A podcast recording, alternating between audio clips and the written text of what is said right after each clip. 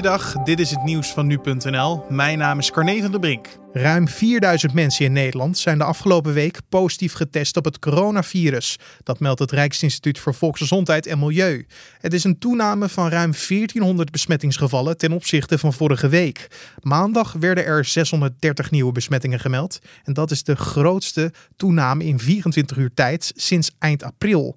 De ziekenhuisopnames blijven wel nog achter. Dat komt waarschijnlijk omdat veel van de positief geteste personen jongeren zijn. Ze komen over het algemeen minder vaak in het ziekenhuis terecht.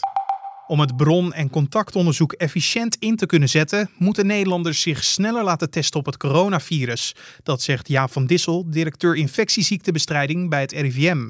Met het bron- en contactonderzoek sporen de GGD's de contacten op waarmee een positief geteste persoon in contact is gekomen.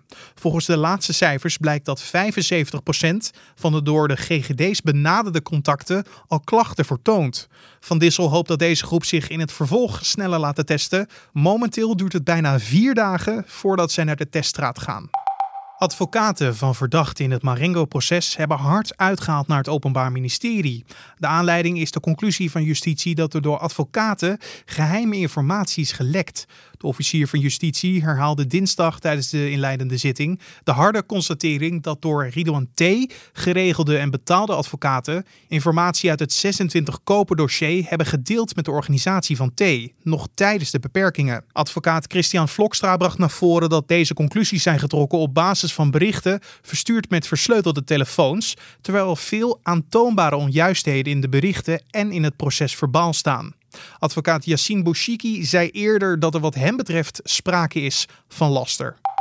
Directeur Gio van Nuland van drinkwaterbedrijf Brabant Water heeft Brabantse boeren gevraagd om gewassen niet meer overdag te beregenen.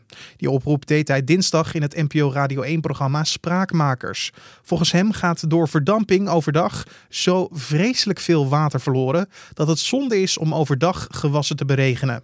Van Nuland begrijpt dat gewassen beregend moeten worden, maar pleit ervoor om dat s'nachts te doen. Zo niet, dan komt op den duur het evenwicht tussen de verschillende waterbronnen in gevaar als het waterverbruik van boeren, de industrie en huishoudens niet verandert. En tot zover de nieuwsupdate van nu.nl.